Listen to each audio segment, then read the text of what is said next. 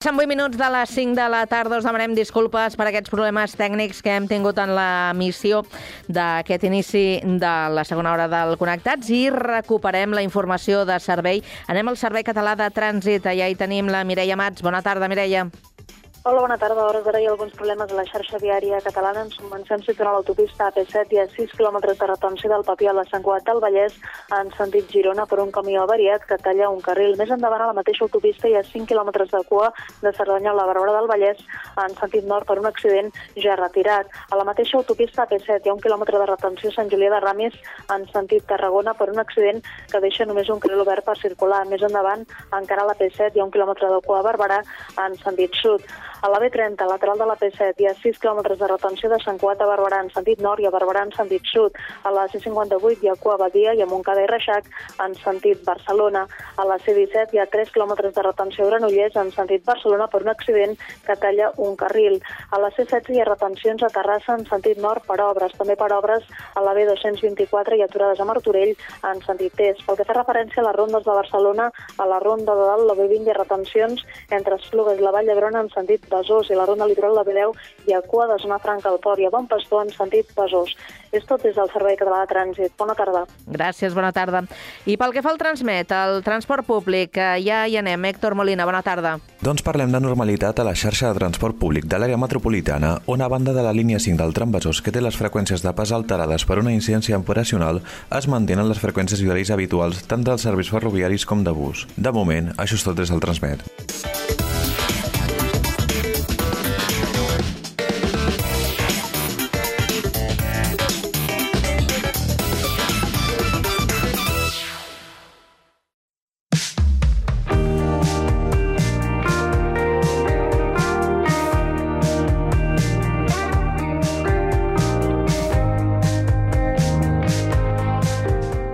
Connectem i ens traslladem eh, fins a la casa d'un castellarenc, el Joan Castells, on també hi ha la Maria Germà. Ells són protagonistes d'avui, ja que han aconseguit una fita força insòlita. Porten reunint-se des de l'any 80 per celebrar la lleva del 54 i aquest any, després de 43 anys de trobades, s'han reunit per últim cop. Bona tarda, Jaume Clapés. Bona tarda, Carme. Doncs sí, ja sóc a casa del Joan Castells. Bona tarda, Joan. Hola, bona tarda a tots. I també hi ha la Maria Germà. Hola, bona tarda, Maria. Bona tarda a tots. Per començar, m'agradaria que m'expliquéssiu què és això de la lleva. Lleva o quinto, no? Cridar quintos. Què és això? Perquè, per exemple, jo, que ja sóc més jove, a mi em queda molt lluny i no sé ben bé què és. Bueno, eh, quan nosaltres vam començar això li vam posar quinto, perquè eh, si haguéssim dit lleva ningú sabia que era una lleva en català. I vam posar la quinta del 54. Nosaltres vam començar ja a fer, eh, quan ens van, la primera vegada que ens van quintar, que anàvem a l'Ajuntament i ens prenia, ja ens vam reunir i ens vam fer una foto eh, aquí. Eh. Què, què és quintar? Quintar, sí. eh, eh, eh, aviam, el, el quintar representava que anàvem a l'Ajuntament, ens prenien la mida de l'alçada, com pesàvem, si teníem algun problema, si ens faltava un dit de la mà, si, si teníem algun defecte, alguna cosa, i llavors l'apuntaven i tot això anava a la Caixa de Reclutes de Barcelona. I llavors, l'any, això ens ho feien, això ens ho feien quan teníem 20 anys. Per això nosaltres vam, som la quinta del 54, però vam marxar a fer el servei militar, com tots, el 55, perquè llavors marxàvem un any més tard, que era un error que retrasaven un any a la joventut, que anava... Que, no, acabàvem la mili més grans del, del conte. I llavors aquí vam començar, però abans de marxar nosaltres ens vam dir que ui, farem una festa, una tal i qual, i vam fer una festa que li vam dir nosaltres dia del quinto. I, i vam fer un partit de futbol, vam fer un ball, vam el primer ball, i vam fer una, una sardana aquí, a la, sardanes aquí amb l'orquestra també, aquí a la plaça i tot això. I llavors, doncs, eh, abans de fer tot això, uns quants vam dir, bueno, eh, pot ser que ens hi piquem una mica els dits o no, i ja hi vam depositar algun cèntim per si havíem de pagar, però en realitat els van tornar, o ens vam tornar als calés, i encara ens va sobrar algun cèntim, que vam fer un sopar al bar del Pica, que hi havia un restaurant que li deien el bar del Pi molt clàssic, i encara abans de marxar vam poder fer els quintos un sopar. Llavors, a l'any 1980, eh, feia 25 anys, feia, bueno, entremig ens, havíem, ens vam veure, però... Li puc, li, li puc preguntar a la Maria, quin, tu quins records tens d'aquesta primera, primera festa? Que va ser molt maca, molt, un record molt maco. A més, tenia el meu marit, que això també hi fa molt. Ens ho vam passar molt bé i va ser un èxit per tothom. I després ja fem un salt no? fins al 80. L'any 80 vam celebrar nosaltres els 25 anys d'entrada al, al servei militar, a la mili. Vam fer, doncs, per un dinar on vam repetir la, la cartilla de la cartilla militar que hi havia, amb, bueno, amb tot el que deien i tal, i ho vam servir-ho. I llavors... Com, com se us va acudir al cap de 25 anys? Com, com va sorgir la idea de reunir-nos? No sé, en vam parlar un dia i vam dir fa 25 anys tindríem de celebrar-ho i perquè amb la colla aquella i ja ens vam, ens vam fer bastant amics. No, no érem, les colles, cada un tenia la seva colla, però llavors, ep, el grup dels quintos. I com que ens havíem trobat i així, doncs, quan ho hem de celebrar-ho, hem de celebrar-ho, i ho vam celebrar-ho, i més a més, com diu la Maria, ho vam celebrar-ho molt bé i molt, i molt, i molt maco, però vam celebrar ja la primera i aquesta segona. Aquesta segona festa ja la vam, ja la vam celebrar a l'any 80, que feia 25 anys. I a partir de l'any 80 fins a l'actual, cada any hem sortit amb una cosa o altra. Vam començar, doncs, eh, sortint per aquí, un dinar i així, al final doncs, ja vam agafar autocars i anàvem a fer excursions, que anàvem en els puestos més, més coneguts aquí a Catalunya i tal qual. Jo feia el, viatge i voltava per tot Catalunya, doncs a vegades anàvem en algun puesto que sabia alguna fonda i ja, ja lligava més o menys i llavors doncs cap de doncs, mesos hi anàvem a visitar, no sé, vam anar a molts. El puesto més lluny que vam anar va ser a la Vall d'Uixó, que hi han les grutes de Sant Carlos, que són unes grutes que eh, amb aigua i només les pots visitar amb la barca. I ja te't recomanen, eh, Maria, que no posis... Van ser molt maques, aquelles excursions van ser estupendes, però també gràcies a ell, eh, s'ha de dir tot. Perquè si ell no s'hagués cuidat, ningú més ho hauríem fet, ningú més. Hi ha, gent que té, hi ha gent que té la traça d'organitzar i de saber moure. Llavors estem parlant de 43 anys seguits. 43 anys amb quasi 50, sí. Per això jo dic que pràcticament vam estar 50 anys veient-nos. I llavors, bueno, vam fer tot, tot aquest tinglado i ens vam fer una fotografia. Ens vam fer una foto aquí a l'escala, com sempre, a l'Ajuntament, i llavors el que explicava la Maria, que, que va ser tan bonic i possiblement és la millor, la millor celebració que hem fet, va ser que cap de dos anys vam celebrar els 25 anys de llicència, perquè eh, quan, quan ens havíem de llicenciar va passar tot, tu no sabràs, va passar tot el citral que, que hi va haver-hi al Marroc i hi van haver algunes quintes que, que, que no vam ser temps a, a, a, a llicenciar-nos i ens van, ens van retenir dos o tres mesos més. Llavors hi van haver uns que es van llicenciar el 81 i uns altres que es van llicenciar el 82.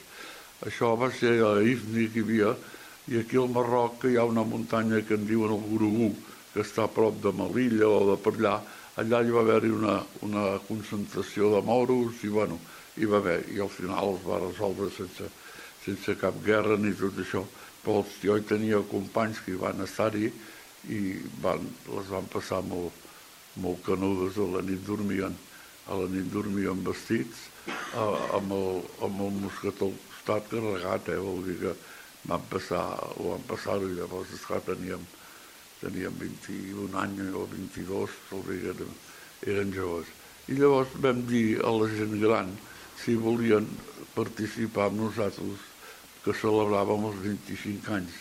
I ells feien 20, ells en feien 50, que s'havien jubilat i va ser molt bonic, com diu la Maria, perquè hi van haver-hi nens que hi havia pares i fills.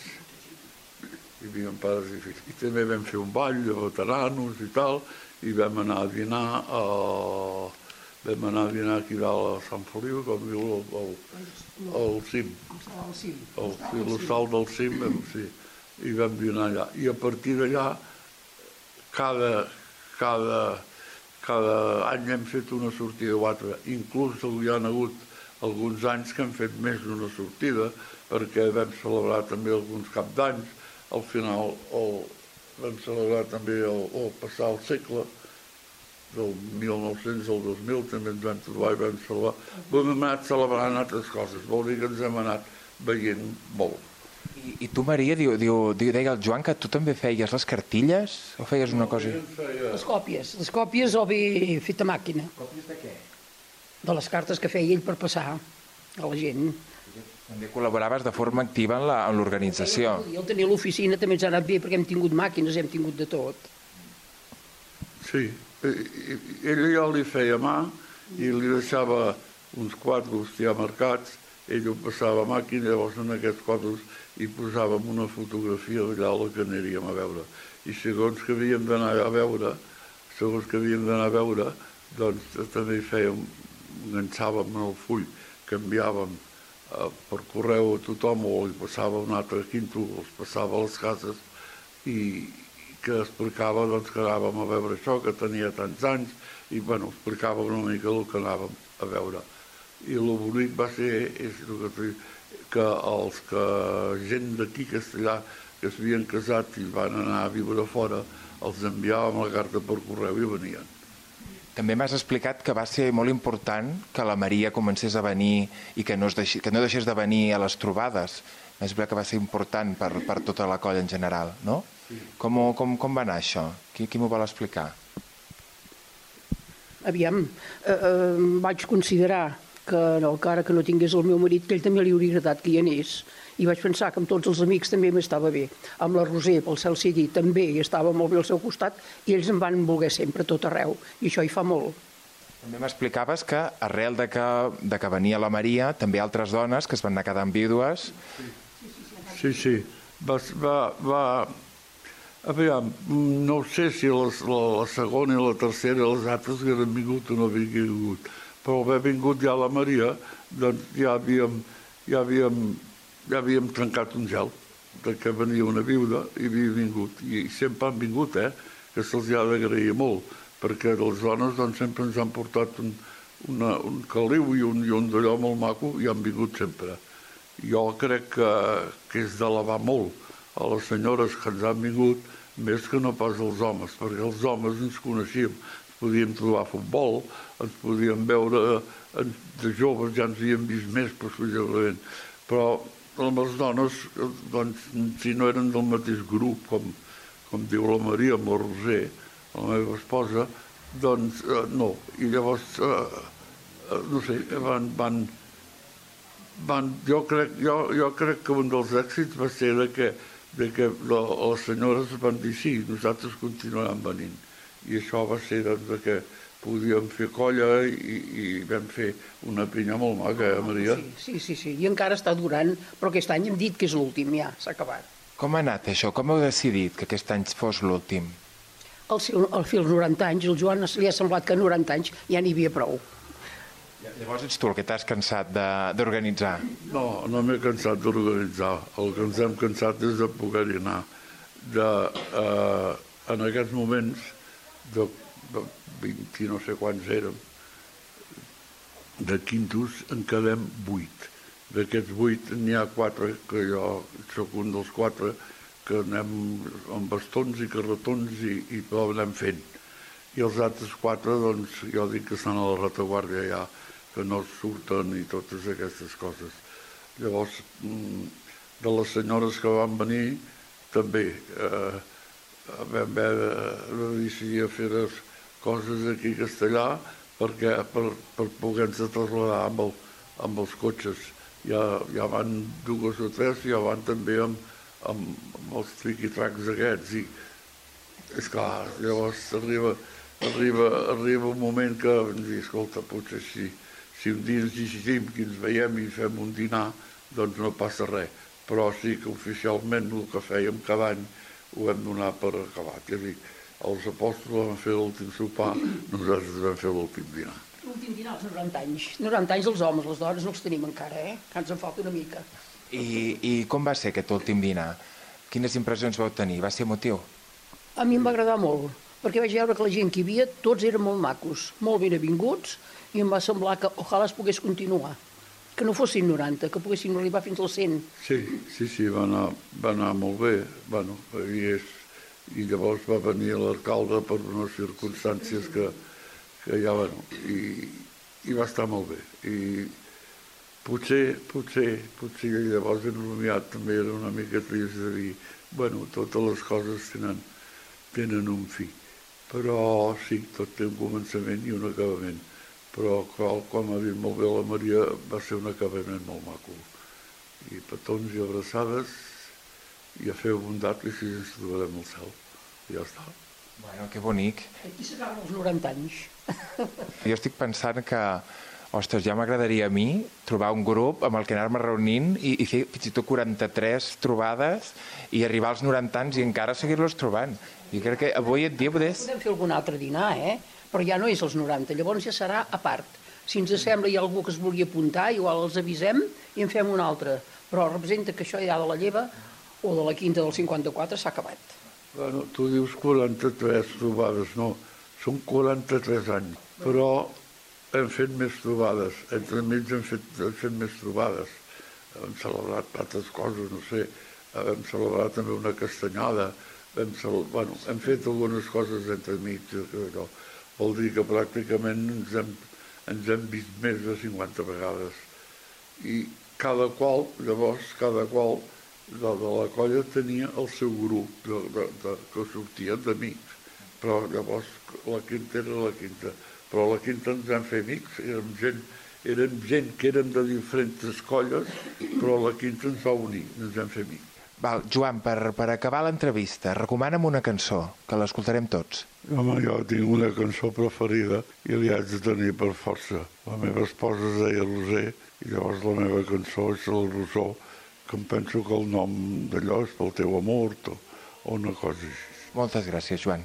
Uh, ens acomiadem. Moltes gràcies per haver compartit amb el, amb el Connectats aquesta història tan bonica i fins la propera. Molt bé, moltes gràcies.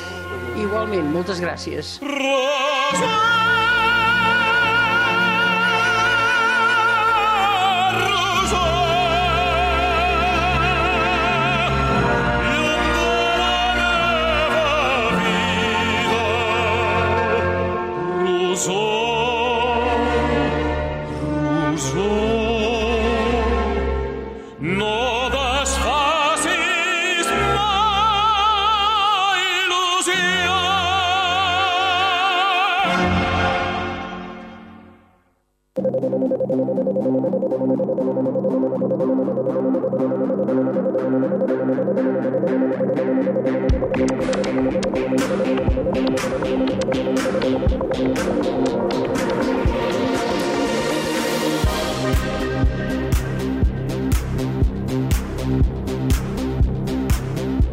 Almas Libres és el negoci, un negoci badaloní d'espelmes ecològiques i veganes fetes a mà.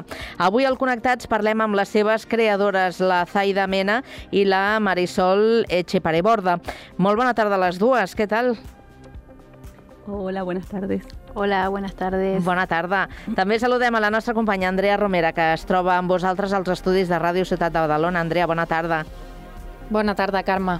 Bé, doncs avui parlem d'un negoci que és eh, curiós, però a veure, qui no ha necessitat en algun moment alguna espelma i una espelma especial, diferent, o que faci alguna funció que requerim en un moment eh, precís. Són espelmes ecològiques i veganes. Eh, Zaida, Marisol, expliqueu-nos de quin material estan fetes. Bueno, nosotras hacemos velas eh, de cera de soja, y es de la planta de la soja que todos conocemos, la salsa de soja, ¿verdad? Mm. Pues eh, de esa misma planta, por un proceso que se llama hidrogenación, eh, surge una cera que es vegetal y entonces es este, saludable para los ambientes donde podamos encender las velas, que no contamina, no contiene parafina, ningún tipo de tóxico, y veganas porque están libres de pruebas en animales. Entonces, eh, esto que sirven para, sobre todo en esta época, otoño-invierno, que todo el mundo enciende velas y a poca ventilación, sabemos que la combustión es limpia y no perjudica la salud. Ets la Zaida. Sí.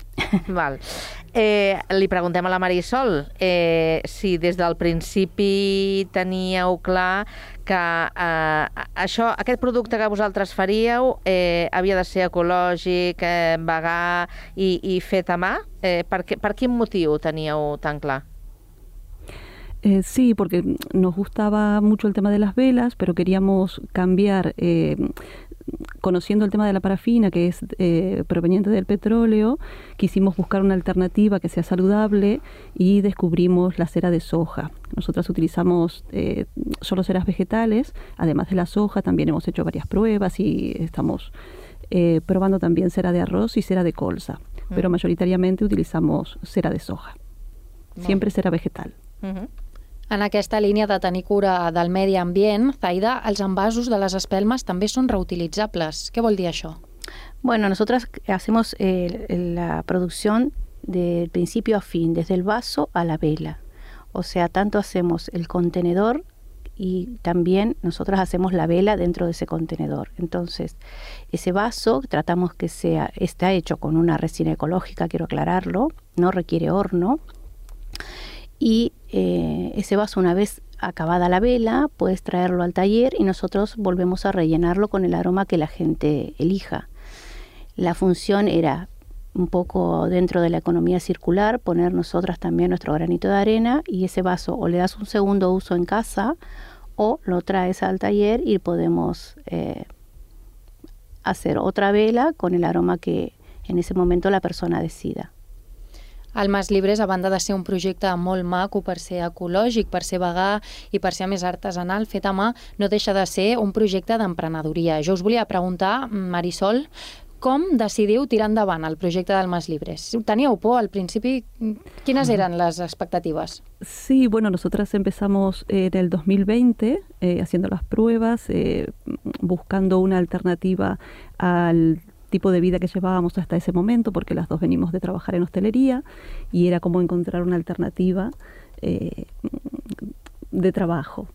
Y en, bueno, juntamos eh, mi pasión por las velas, por la pasión de Saida por la decoración y, y, ahí surgió un poco el tema de las velas y a partir de ahí decidimos hacer también nosotras los vasos porque buscábamos también que sean muy decorativos, que puedan decorar cualquier ambiente y, y empezamos ahí, bueno, bueno, estamos desde 2020, empezamos ahí probando, eh, hicimos varias prueba, prueba y error y recién hace un año que, estamos, que, que montamos la tienda online. Deies que abans tu ja tenies una forta passió per les espelmes. Ja sabies fer espelmes, tu a mà? No, esta es, fue la primera vez. Siempre las, las consumía en casa, pero siempre había tenido de parafina Y bueno, justo leí un artículo que decía esto de la parafina que, provenía del petróleo y justo estábamos buscando nosotras a ver qué hacer con nuestras vidas y surgió por ahí un poco, bueno, tirábamos más por los accesorios decorativos y ahí surgió el tema de hacer velas. I com vau aprendre? Va ser de forma autodidacta us vau apuntar a algun curs on nos van a enseñar una mica doncs, les nocions? Al principio, las dos autodidactas, cada una desde su casa, cada una probaba y nos comentábamos y, después, bueno, evidentemente además de, buscamos formación. M'interessa molt saber què us deia la gent, Zaida, perquè quan s'inicia un projecte d'emprenedoria, doncs tothom sap no?, que t'exposes a, a unes dificultats. En el vostre cas, la gent us animava? Us sentíeu recolzades o potser s'anava una mica a l'altre extrem de dir ui, vigileu amb això, que és complicat, que cuidado on us esteu ficant? Bueno, un poco de todo, como siempre, el entorno tiene como un poquito de miedo, siempre es, eh, vamos a los seguros, La verdad que sí, hay gente que te apoya desde el principio y gente que te dice que, bueno, un poco de cautela. Era un poco complicado también explicar lo que nosotras queríamos hacer porque no todo el mundo descubrimos en ese momento, que no todo el mundo conocía la cera de soja o las ceras vegetales. Entonces era contar todo, todo desde cero, no era como vender un producto conocido que le das una vuelta de tuerca, era como, sí, es verdad, todo el mundo conoce las velas, pero descubrimos que nadie conocía, o no tanta gente conocía la cera vegetal. Entonces por ahí era un poquito el miedo, pero tuvimos muy, muy buena acogida por la gente de Badalona y estamos súper contentas porque nos respaldaron desde el día 1. Comentaves abans, Marisol, que de moment només teniu botiga online, però veneu en botigues físiques, no? En altres botigues on us donen un espai per vendre els vostres productes. Sí, nosotras tenemos puntos de venta en Barcelona, en la cerería Subirá y cerería Galiza, de momento. Estamos ya intentando ampliar y además vendemos también en Palau Solita y Plegamans, eh, en una tienda pequeña, también tenemos productos ahí. El taller sí que el teniu a Badalona. De fet, Zaida, deies que us han acollit molt bé. Us plantegeu poder obrir una botiga vostra física a Badalona en, en un futur? Bueno, nunca se descarta ninguna posibilidad. Nosotros por ahora tenemos el taller donde la gente viene también a hacer los talleres, pero eh, no esperábamos que la gente entrara y, y, se implicara y preguntara qué hacemos y, y se queda y mira y a veces compra directamente ahí. Entonces, bueno, la verdad que ahora mismo por ahí no podemos hacerlo, pero nunca se descarta. Has comentat que feu tallers. Explica'ns una mica en qué consisteixen. Bueno, como había mucha gente interesada desde un principio, eh, surgió esta posibilidad de hacer los talleres donde la gente hace una o dos velas, depende del tamaño, y entonces hacemos el paso a paso. Nosotras creamos los vasos que van a ser utilizados en el taller y más o menos unas dos horas que dura todo el taller hacemos esto de, crear junto con, con las personas que vienen eh, hacer el paso a paso, enseñarles, mostrarles lo que es la cera, cómo lo hacemos nosotras, eligen los aromas, explicamos un poco eh, todo el, el, contenido de la vela, que los aromas también están libres de tóxicos, que son seguras, y se llevan una o dos velas, depende del día. Ja que estem aquí, si voleu aprofitar per fer una mica de promoció, per anar a aquests tallers, què hauria de fer la gent? Si algun dels oients ens està escoltant i, i li agradaria formar-hi part? Bueno, generalmente los promocionamos a través del Instagram y entonces pueden comprarlos a través de la web o escribirnos al WhatsApp. Al taller on feu les espelmes, a banda d'acollir aquests tallers on les persones poden fer les seves pròpies espelmes, Marisol, també eh, esdevé un showroom a vegades, no? Sí, alguna vez solemos hacerlo sobre todo en primavera-verano y antes de Navidades. Ahora todavía nos lo estamos planteando porque teníamos una fecha, pero eh, estamos, bueno, nos están haciendo muchos pedidos, así que estamos produciendo eh, todo el tiempo y, estamos planteándonos si lo vamos a hacer ahora en, Navidades o no. Lo tenemos ahí pendiente porque no sabemos si llegaremos con las fechas, pero siempre intentamos hacer dos, para la temporada primavera-verano y luego la de Navidad. Clar, ara que arriba el Nadal i que arriba també una mica més al fred, suposo que a la gent li ve més de gust no? encendre's una espalmeta a casa seva. ¿Es nota això en las ventas? Sí, se nota bastante y sobre todo cuando termina el verano empezamos con la colección otoño-invierno, entonces los cambian los aromas también y la gente viene, viene a por los aromas de distintos, que ya no son frescos, que son más amaderados, más cálidos y nosotros notamos el, el incremento, sí, de los pedidos y sobre todo ahora en Navidades. O sigui, els aromes també canvia la demanda de, de l'aroma, el best-seller dels sí. aromes en funció de la temporada. Sí, también, también cambia. Sí, por ejemplo, en verano puede ser el té verde y en invierno puede ser el amber sándalo. Molt bé, doncs avui hem parlat eh, d'un negoci ben eh, curiós, però amb un producte que podem trobar a totes, a totes les cases. Almes Libres, els espelmes eh, ecològiques. Agraïm moltíssim a les seves creadores que avui hagin passat eh, pel Connectats a presentar-nos doncs, eh, aquesta, aquesta empresa. Moltíssimes gràcies i que vagi molt bé. Bona tarda. Gràcies. Gràcies. Gràcies. Gràcies, Andrea. Bona tarda. Bona tarda.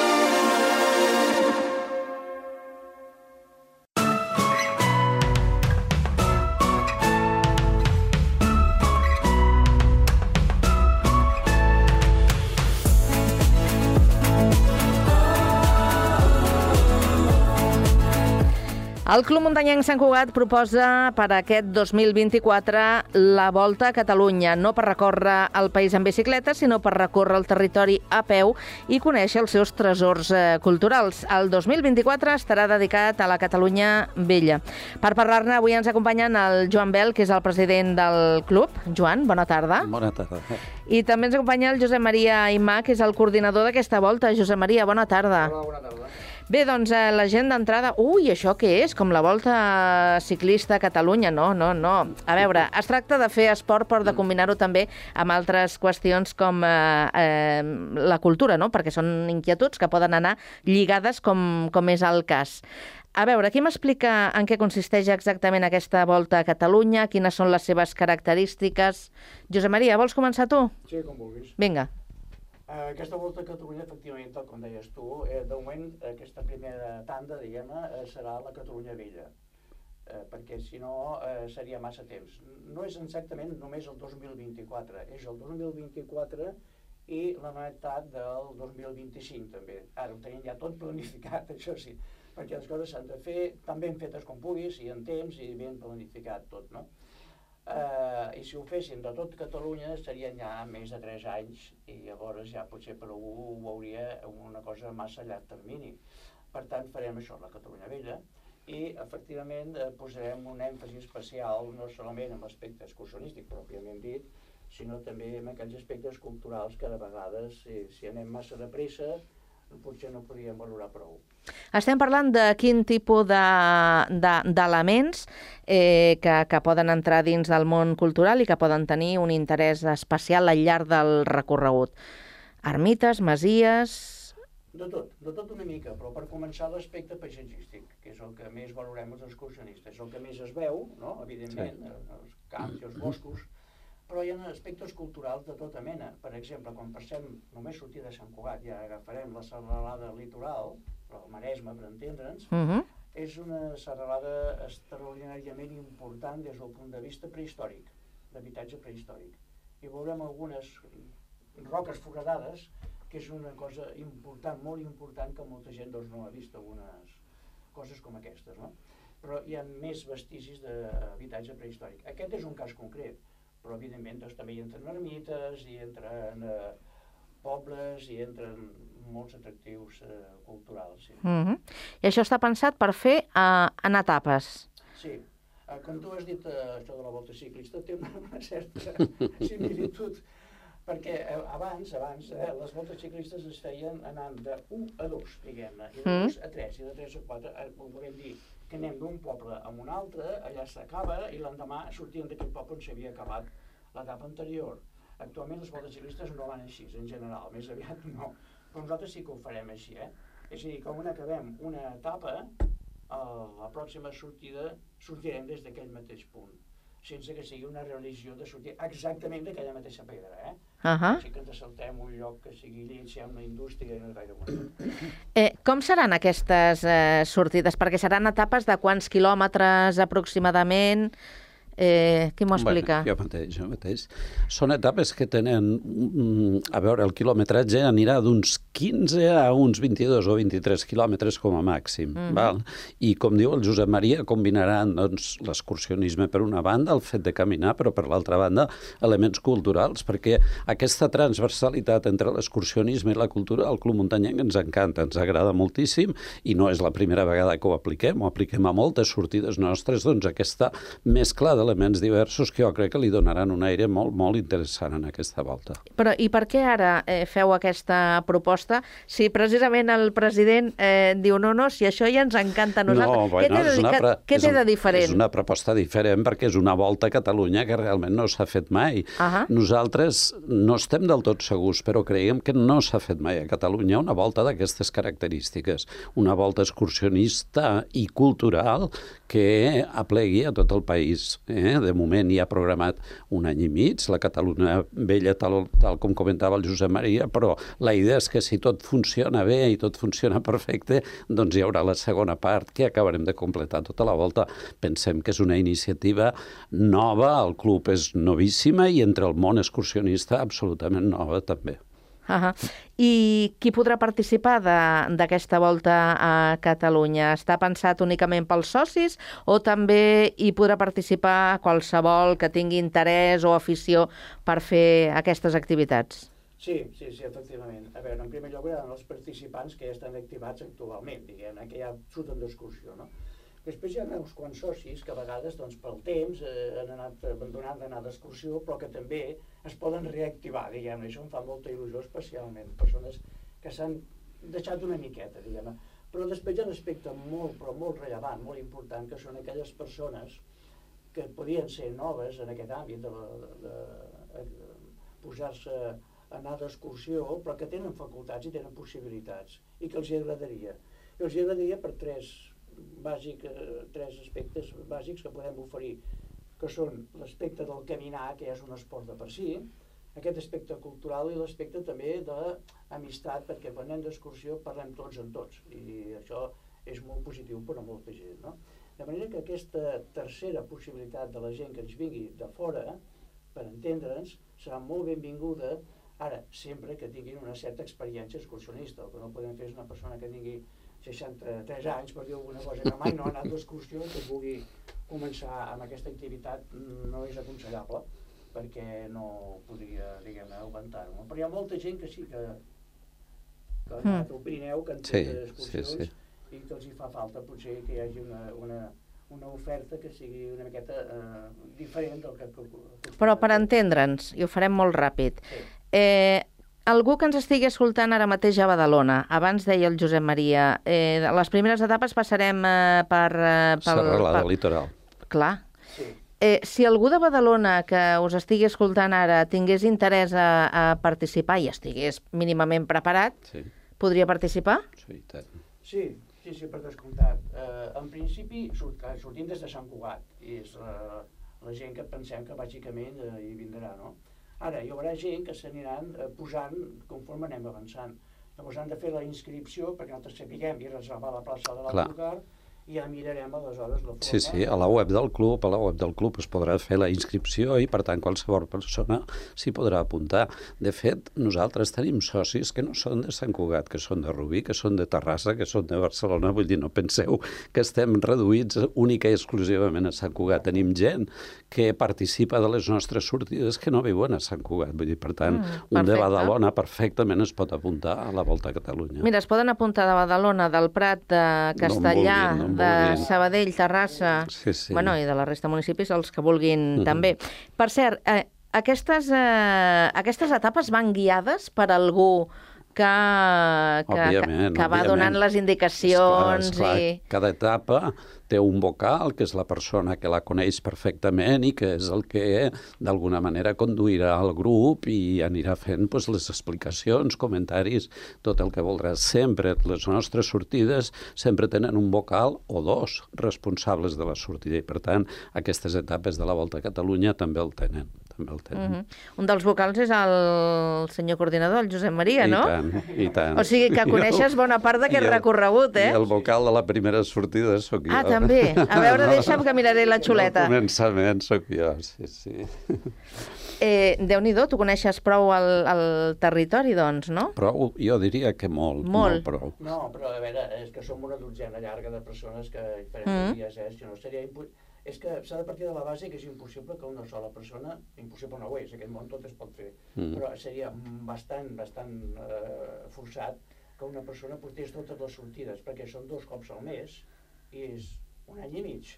Per tant, el que hem fet és repartir-nos això, tant pel fet d'anar a buscar els camins i els llocs apropiats, com pel fet de, de que haurà de fer de, de vocal, tal com deia en Joan. No? Sí, sí. Per tant, això ens ho hem repartit i si em permets, hi ha, hi ha una cosa que em sembla que és, que és interessant per a la gent que, que ens estigui escoltant i que pensi, home, això m'interessa, em faria gràcia, però no ho sé i tal. Eh, la majoria de sortides hi haurà la possibilitat de tallar la meitat. La meitat. És Fer la meitat de recorregut? La meitat del recorregut, mm. perquè uh -huh. en molts llocs s'hi pot passar l'autocar i ens pot esperar, i aleshores doncs, si ha fet només 8, 10, 12 quilòmetres o aquí, els que siguin, eh, llavors hi ha la possibilitat de pujar a l'autocar i doncs fins aquí hem arribat. Esperem que això no passi gaire, eh? I no sempre, no sempre, absolutament sempre és possible. Però això ja ho posarem a la pàgina web de Clar. cadascuna de les sortides, les etapes que hi ha, etc. Mm. I les característiques que tenen. Sí, sí. Eh, deies eh, dues sortides al mes. Eh, estan marcades eh, o establertes amb una regularitat en... Sí, Sí? sí. segons i quarts dissabtes de cada mes. Exacte. Dissabtes, Sí. al, sí, al sí. matí. Matí, Tot el dia. Ah, tot... Bueno, sí. Tot el dia. Ah. Clar. Jo ho feia molt ràpid. Sí, sí, sí, sí. Ja m'imaginava sortint al matí i tornant a dinar a casa. Estava jo molt preparada, sí. preparadíssima. Sí, sí. Eh, I escolteu una cosa, quin és el perfil de, de participant que espereu? A banda de que estigui preparat, eh, que sigui de Sant Cugat o no, eh, esteu oberts a, a gent més jove? Estem oberts a qualsevol persona que tingui interès en aquest tema que, el, que proposem i que tingui aquest mínim de preparació que demanem. Ara dius, quin serà el perfil més estàndard? Doncs, home, imaginem gent de, al voltant de 55-60, diríem. Encara que el fet de fer un dissabte dona moltes possibilitats, vull dir, tota la gent que treballa i tal, que normalment no treballa en dissabte, també tindrà la possibilitat de venir-hi. Per tant, eh, nosaltres pensem que, que al voltant de 55-60 anys serà la majoria del grup, però ja veurem, ja veurem, perquè hem de començar i ho hem de veure. Aquestes coses et donen sorpreses, eh? De vegades, de vegades tens una idea, aquesta idea amb dues sortides ha canviat totalment, o sigui que... Ara posarem un compromís al Josep Maria, perquè, clar, ell... No, jo t'ho deia, a veure... Eh, si em sabries triar alguna de les etapes allò... Ah, recomanable. Sí, aquella que dius, mira, aquesta és, és una És l'única etapa... que faré, home. Eh? Podeu venir tots a la ràdio, eh? Home, jo, jo per mi m'apuntaria, el que passa és que, clar, els acompanyants eh, de vegades fallen. Eh... Clar, clar, clar, clar. A veure, a mi m'agrada molt el Montnegre, per exemple. Després de la Sagrada Litoral, Sí. ve el Montnegre, per entendre'ns. Ara, si he de dir alguna etapa de les que porto jo... La tapa reina, la tapa reina, que és com fan en el ciclisme, quina seria? La reina, reina de la muntanya, diguem, no? Som més de O la que, no, regularitat, aquella que tu et nosaltres. pensis. quina, quina creus? Home, a veure, a mi m'agrada més les que són més de muntanya, doncs, pròpiament dita, diguem-ne, que sigui cap a la banda de Gósol, Tuixent, Sant Llorenç de Morunys, tot allò. Allà és una mica més excursionístic, perquè hi ha més pujades i més baixades, Mm. però clar, a veure, és estèticament molt més atractiu. Ara, culturalment, mira, la cultura, diguéssim, aqu- aquests atractius culturals es donen més cap a les valls que a dalt de les muntanyes en I general. tant, i tant. Eh? Hi, ha, hi, ha, Sí, sí. hi, ha, hi ha més vida i més història. Clar. I és Mm. lògic, no? Per tant, només sortir de Sant Cugat, pensa que ja tenim el monestir número 1 aquí al costat. Clar. Això Clar. ja és sensacional. Després passem per Torre Negra i el Pi d'en Xandri, etc. I, i, i Can Borrell. Però és que el monestir de Sant Cugat és molt important a la història de Catalunya. I després anem cap a Montcada, passarem per Sant Pere de Montcada, que és dels orígens de Montcada, etc etc. Llavors veurem també coses prehistòriques, etc. És a dir, jo una tapa reina, no sé si... Totes. No, no, sé si- no sé si agafem. Totes, totes. Molt ràpidament, perquè ja estem amb el compte enrere i hem de tancar el programa. Inscripcions eh, per la A web... través de la web, a través mitjançant la web et pots inscriure sense cap problema. I, i em permets que et digui una altra Molt cosa. ràpid, sí. Eh, la Volta a Catalunya és el primer esdeveniment que farem aquest any que ve, perquè aquest any que ve el Club Muntanya en Sant Cugat compleix 80 anys. Mm. I hi haurà altres activitats i altres coses, però la primera, la primera activitat de totes, el primer esdeveniment, és la Volta a Catalunya per celebrar aquest 80è aniversari. Que, Ens podem inscriure ja? eh, O no encara? Sí, ara, en una setmaneta, dues setmanes ja es podrà. Molt bé, doncs af afanyeu-vos, afanyeu-vos que, no, que no feu tard. Es tanquen inscripcions? És, està limitat o no? No ho sabeu. Ho anirem veient perquè... Depèn, sabem sí. Val. Doncs ho hem de deixar, ho hem de deixar aquí. Eh, mm, Joan, eh, Josep Maria, que vagi molt bé. Tot això ho presentareu el dia 23 a la seu del Club Muntanyenc Sant. Cugat i avui ens ho heu avançat al Connectats. Gràcies. Molt bé, gràcies. Que vagi molt bé. I també aprofitem per acomiadar-nos. Fins demà, edició de dimarts a les 4 i 3 minuts. Bona tarda a tothom. Adéu-siau.